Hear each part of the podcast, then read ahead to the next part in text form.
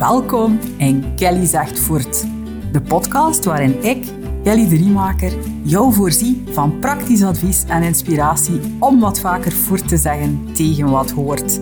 Zodat je weer volle bak kunt gaan voor wat jij nodig hebt. Ooit was ik zelf lifestyle-journalist en schrijver. Vandaag coach ik mensen om de regie van hun leven in handen te nemen en authentiekere keuzes te maken. In Kelly zegt voort deel ik mijn eigen hobbelige traject van loslaten en kiezen voor een leven dat steeds beter bij mij past. Een leven waarin schaamte, people en verlammend perfectionisme een steeds kleinere rol spelen. In deze podcast ga ik ook in gesprek met mensen die ook voort leren zeggen tegen geïnternaliseerde regels rond geluk, succes en wat normaal is en wat niet. Welkom, let's go!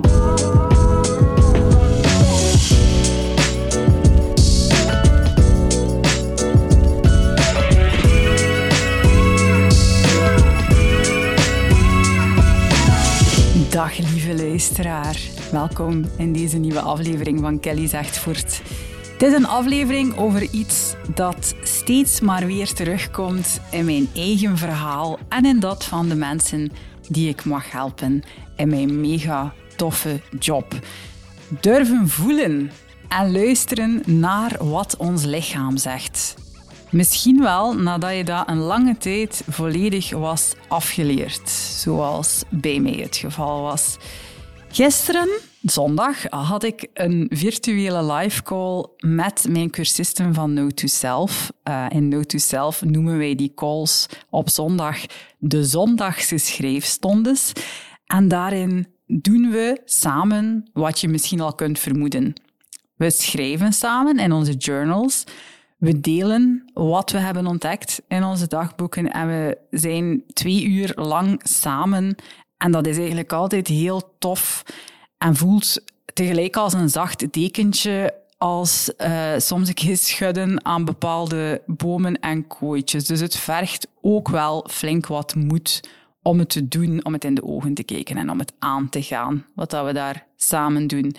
Ik stel daar ook vragen die niet altijd simpel zijn om te beantwoorden. En ik nodig de deelnemers uit om te voelen wat er allemaal naar boven komt.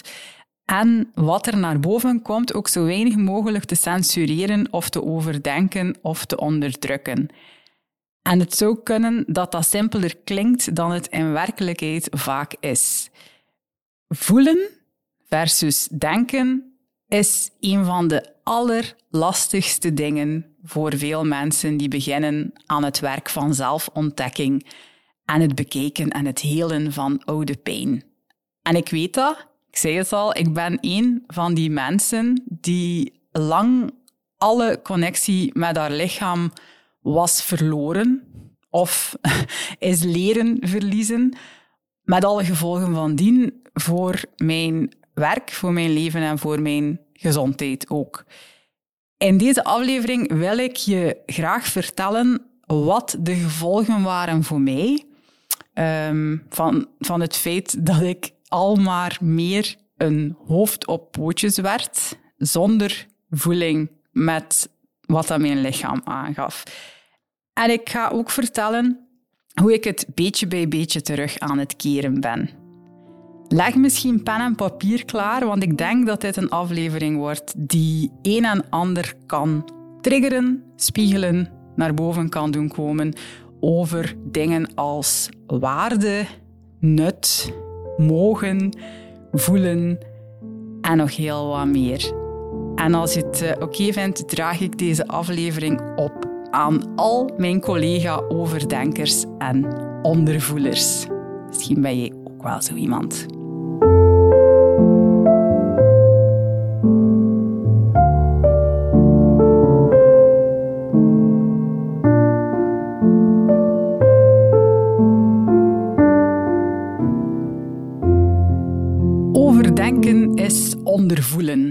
Dat heb ik al eens gezegd in een van de vorige afleveringen van deze podcast.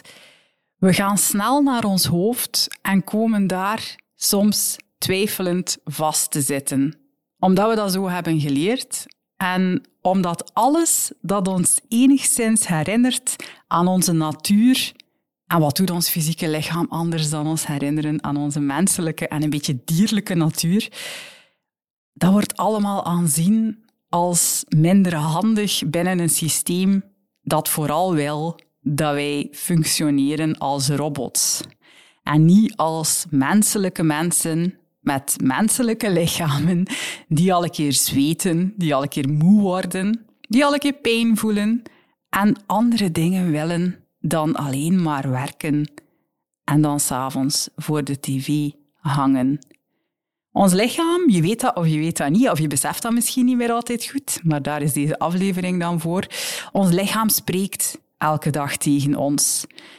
Maar doordat wij allemaal in meer of mindere mate moeten meedraaien in allerhande systemen die eigenlijk voor ons bedacht zijn door mensen, hebben we dat al heel jong leren overrulen met ons hoofd, wat dan ons lichaam allemaal tegen ons vertelt. Met onze ratio eigenlijk. Het is namelijk niet zo handig als iedereen in een klasje de les constant moet onderbreken om naar het toilet te gaan als de blaas zegt dat dat nodig is. Dus leren we onze plas ophouden tot het uitkomt en we leren dat al heel vroeg. En we hebben een half uur middagpauze op het werk, in het beste geval. En dan eten we, los van wanneer ons lichaam aangeeft dat het daadwerkelijk honger voelt, omdat het binnen het systeem nu eenmaal beter uitkomt voor de baas en de collega's om samen op de klok te eten. Of we nu honger hebben of niet, doet er minder toe. Of we nu avondmensen of ochtendmensen zijn, we worden om acht uur op het werk verwacht, wat heel wat voordeel heeft voor wie goed functioneert in de ochtend, maar eigenlijk een levenslange aanvechting is van het ritme van mensen die van nature beter functioneren in de latere uren. Zie mensen als Lieven Scheire, een avondmens, die daar dikwijls uh, tegen van leer trekken in artikels en interviews. En ik vind dat trouwens volledig terecht. Het is niet omdat iemand ooit heeft bepaald dat het beter zou zijn om vroeg aan je werkdag te beginnen, dat het ook daadwerkelijk beter voelt voor de mensen die pech hebben, en dat zeg ik tussen air quotes, dat ze daar last van ondervinden. Of dat dat niet hun natuurlijke ritme blijkt te zijn. En ik kan wel nog een tijdje doorgaan op dit elan. Wij leren eigenlijk al heel vroeg dat er van ons wordt verwacht dat we meedraaien in een maatschappij die geobsedeerd is door dingen als winst, nut, produceren en blijven gaan. En ik heb dat zelf eigenlijk nooit harder beseft dan in de pandemie, in het corona. Toen er een gevaarlijk virus wareerde waarvan we niet wisten wat we ermee aan moesten en het heel snel duidelijk werd dat wij toch vooral moesten uitvogelen hoe we konden blijven doordoen binnen dat systeem, vaak ten koste van onszelf, omdat het systeem anders op zijn gat dreigde te vallen.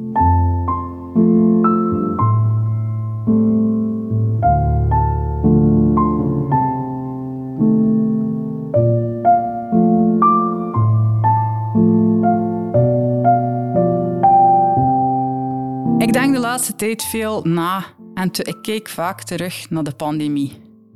Soms denk ik, wat wat is er ons toen eigenlijk allemaal overkomen? Is dat echt gebeurd? Misschien herken je dat wel. En ik denk dat de pandemie voor veel mensen, maar lang niet voor alle mensen, voor een uh, verhoogd bewustzijn heeft gezorgd rond waar wij eigenlijk mee bezig waren en ondertussen alweer lang opnieuw zijn. Want dat nieuwe normaal leek toch wel heel hard weer op het oude normaal.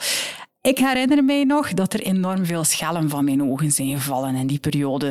Uh, bijvoorbeeld over hoe fijn het was om te moeten vertragen, verplicht en ineens nergens meer verwacht te worden.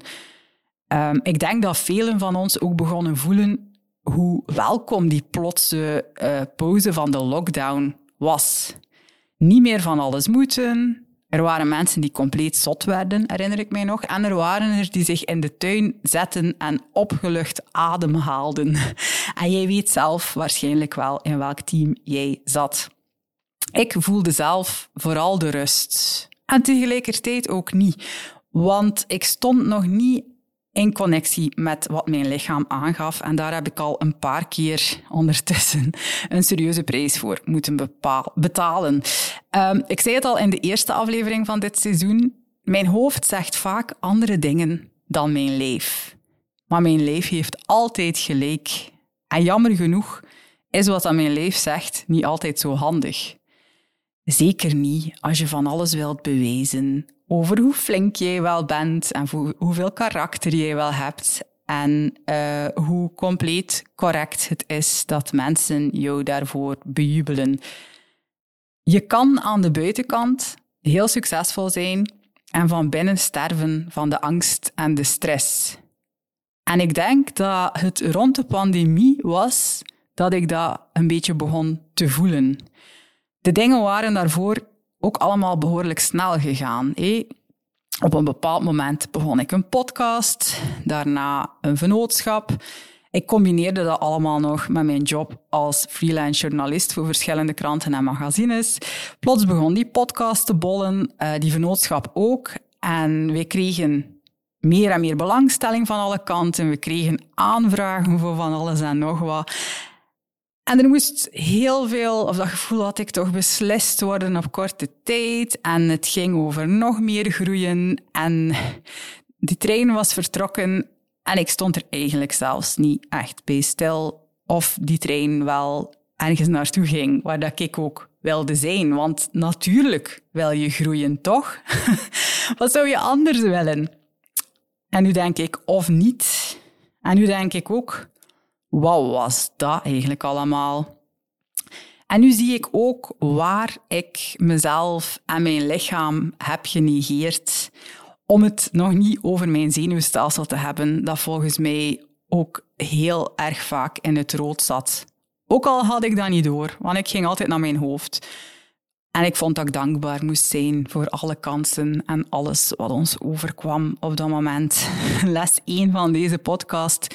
Je kan ook compleet overweldigd worden door wat er aan de buitenkant onwaarschijnlijk positief uitziet. En je hoofd kan zeggen dat het de max is en dat je vooral dankbaar moet zijn omdat iedereen jou tof vindt en meer wil van jou. En toch kan je lijf het gevoel hebben dat er gevaar is. Dat het niet veilig is om zichtbaar te zijn.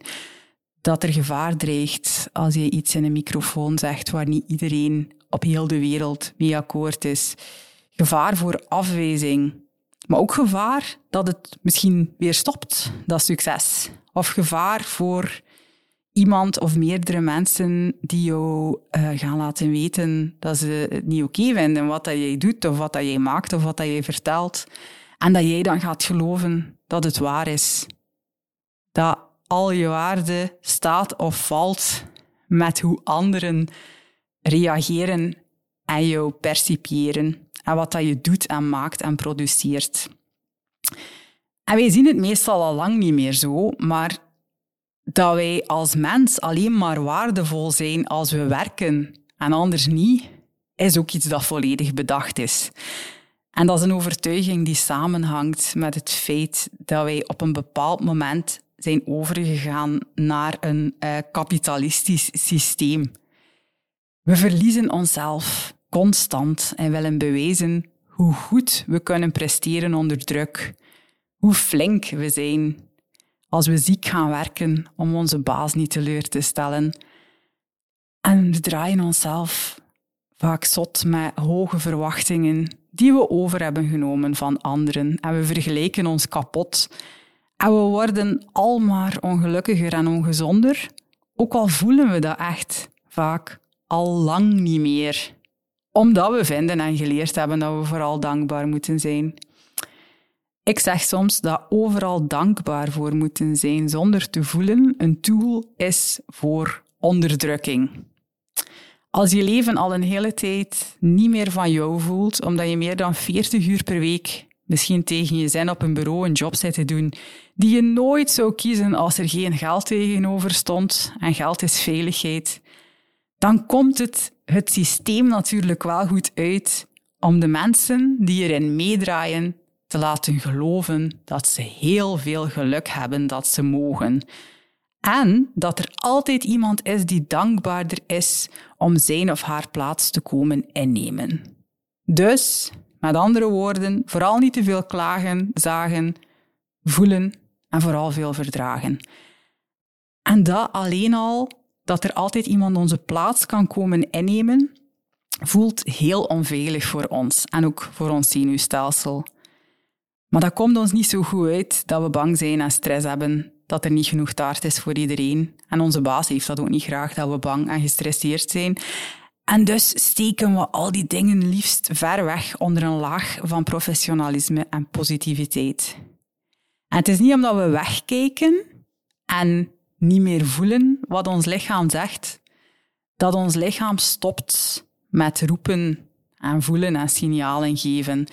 Denk eens terug aan de podcastaflevering met schrijfster Mieke Lanoui. Dat was die aflevering over burn-out en burn-on, waarin werd gezegd dat het brandalarm dat ons lichaam uitstuurt al maar luider wordt als we niet luisteren.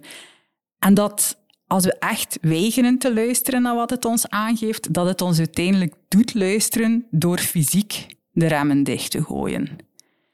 Plots kunnen we niet meer uit ons bed. Of zitten we helemaal vast in onze nek of in onze rug of in ons bekken. Of we worden plots doof op een oor, zoals ik in een call hoorde uh, gisteren. We bijten onze kiezen kapot. Guilty as charged. Ik heb uh, de neiging om mijn tanden kapot te bijten.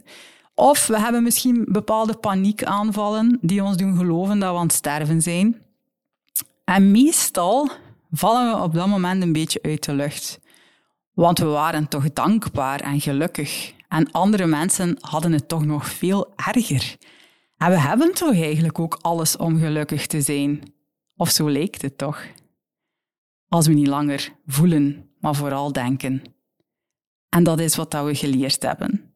Maar het helpt ons niet. Er zit vaak een soort tussenschotje onder onze nek dat we daar laten zitten, omdat we meestal heel bang zijn voor wat we zouden kunnen voelen als we onszelf toelaten om te voelen zonder dat we het onmiddellijk verdoven. Ik heb mezelf lang verdoofd met alcohol en overeten en ik doe het nog altijd soms, ook met scrollen op het internet. Waarom? Omdat we als mens nu eenmaal niet zo graag alleen zijn met al onze gedachten Vaak ook omdat die de strengheid van het systeem hebben overgenomen. We verwachten soms dezelfde dingen omdat we al die regels rond productief moeten zijn en nuttig moeten zijn en positief moeten zijn, ondertussen zo vaak hebben gehoord dat we ze geïnternaliseerd hebben. We hebben ze ons letterlijk zo eigen gemaakt, al die regeltjes van hoe we zouden moeten zijn, dat we na een tijd gewoon geloven dat het de waarheid is. Dat je waarde echt afhangt van hoe hard je werkt of je best doet voor andere mensen. Of dat het belangrijk is om te blijven gaan en dat het oké is en misschien te verkiezen om dat dan maar ten koste van jezelf te doen. Liever dat dan dat je iemand anders moet teleurstellen. En de afgelopen jaren werd ik mij steeds bewuster van hoe vaak ik mezelf heb moeten verlaten, omdat ik zo bang was om anderen teleur te stellen en misschien wel afgewezen te worden door die teleurgestelde anderen. En dus stelde ik mezelf nog veel liever teleur. En ik heb de nodige breakdowns en burn-outs moeten beleven om te beginnen voelen, in plaats van mijn gevoel constant te overrulen met dankbaarheid. En onbegrip ook. Hé. Um, ik heb lang meegedaan, besef ik nu, met het koor dat zegt dat het allemaal wel meevalt en dat ik niet zo gevoelig moet zijn en dat ik niet moet trenten. En achteraf gezien was dat ook een ramp voor mijn zelfbeeld. Naast dat het niet goed was voor mijn gezondheid. De weg terug was via iets dat ik niet goed kende. mijn eigen lichaam. En volgens mij is dat voor ons allemaal de weg terug. Door me elke dag af te vragen hoe ik adem en of dat heel oppervlakkig was of juist diep. En of dat misschien ergens op kon wijzen. Angst misschien of stress. misschien wel paniek. En waarover dan? Ik begon te zien dat ik heel wat meer ben dan een hoofd op pootjes. En ik las me ook in, ik doe dat graag, over het zenuwstelsel dat uh, alles in het werk stelt om ons veilig te houden. Ik leerde over dingen als fight, flight, freeze en fawn en begon te voelen wanneer ik de neiging heb om vanuit een gevoel van onveiligheid in een fysieke shutdown te gaan of te vluchten of mijn gekende petje van people pleaser op te zetten. Zie ook de podcast van overlaatst met Louise over dat onderwerp. Leren tegenvallen was een van de dingen die ik te doen had en nog altijd heb. Ik kan immers niet alles zijn voor iedereen. En ik wil dat ook niet meer. Het is aan mij om grenzen te trekken. En als ik twijfel, om te voelen dat mijn lichaam het vaak al een tijdje aan het aangeven was. Dat ik eigenlijk al wist. Het is aan mij om te voelen wat mij te doen staat. Uh, om te checken of iets voelt als moeten of als willen. En het is ook aan mij om wat ik voel dan niet direct te willen tegenspreken vanuit wat hoort of binnen onze maatschappij aanzien wordt als een goede of foute beslissing. Een van de allergrootste vrijheden is volgens mij zelf bepalen hoe succes eruit ziet. Is succes een groot bureau en een bordje van CEO voor je neus en 100 man onder je en s'nachts geen oog dicht doen van de stress? Of is succes weten wat genoeg is en kiezen voor een kalm zenuwstelsel en tijd om je kinderen zelf te gaan oppikken van school en ervoor nog een keer te gaan zwemmen, zoals ik na het opnemen van deze podcast plan te doen. En natuurlijk zou ik nog veel harder kunnen werken, maar echt, ik wil het niet langer. Ik voel het niet meer. en ik ga er alles aan doen om het te blijven verzetten tegen de verpletterende gedachte dat mijn waarde afhangt van hoeveel uur ik per week aan een bureau zit. Want dat is niet zo. I quit. Ik ben waardevol omdat ik een mens ben. Of ik nu ooit nog een vinger uitsteek of niet, dat verandert daar compleet geen hol aan. En het heeft heel veel therapie en coaching gevergd om dat daadwerkelijk te beginnen zien en daarna te beginnen geloven. En mij beetje bij beetje los te maken van wat mij is aangeleerd over de connectie tussen waarde, nut en productiviteit. Waarachtig succes is voor mij meer dan ooit een kalm zenuwstelsel en een leven waar ik de capaciteit voor heb, op een duurzame manier. En het zit altijd weer en meer en meer in connectie. Niet alleen met anderen, maar ook en vooral met mijn eigen lichaam, want dat is mijn graadmeter over hoe het echt met mij gaat. En ik moet ervoor zorgen. Ik moet mijn lichaam rust geven. Ik mag voelen, ik mag ademen en ik mag er ook van genieten, van die lichamelijkheid. Um, ik mag elke dag inchecken en het zien als mijn hoofd tegenspreekt dat ik moe ben. Ik mag rusten. En niet omdat ik daarna nog een beetje productiever kan zijn voor iemand anders, maar gewoon omdat rusten en vertragen een basisrecht zou moeten zijn voor iedereen. Ons lichaam zegt heel veel. En het is mijn advies om te beginnen voelen. Door het eerst en vooral een keer wat vaker stil te maken. En je elke dag oprecht de vraag te stellen hoe jij jou voelt. En wat je allemaal voelt. En waar. Welke sensaties zich aandienen. Of dat je moe bent of uitgerust. En wijs het niet af, wat het antwoord ook is, maar luister maar. Luister een keer echt. En durf dan maar aan. Ook als jouw lichaam misschien niet zegt wat je graag zou willen horen. Ook dan heeft jouw lichaam altijd gelijk. dus voel maar. Want je bent als mens zo onwaarschijnlijk veel meer dan je hoofd en je gedachten. En het is helemaal oké als je dat even vergeten was. Maar het is zo ongelooflijk waardevol om het weer te beginnen voelen. Dag per dag. Begin misschien na deze podcast. Doe een keer een bodyscan. Begin een keer van boven en scan naar beneden. En voel een keer. Zit het ergens vast? Zit er iets blok? Ben je opgespannen? Adem je diep of juist heel oppervlakkig? Begrijp je hoe het komt? Daar begint het mee. We gaan daar binnenkort nog wat meer over vertellen. Maar ik ga je hiermee al uh, op pad sturen. Voel maar, adem maar. Zorg goed voor jezelf. En heel graag tot de volgende keer. Dada!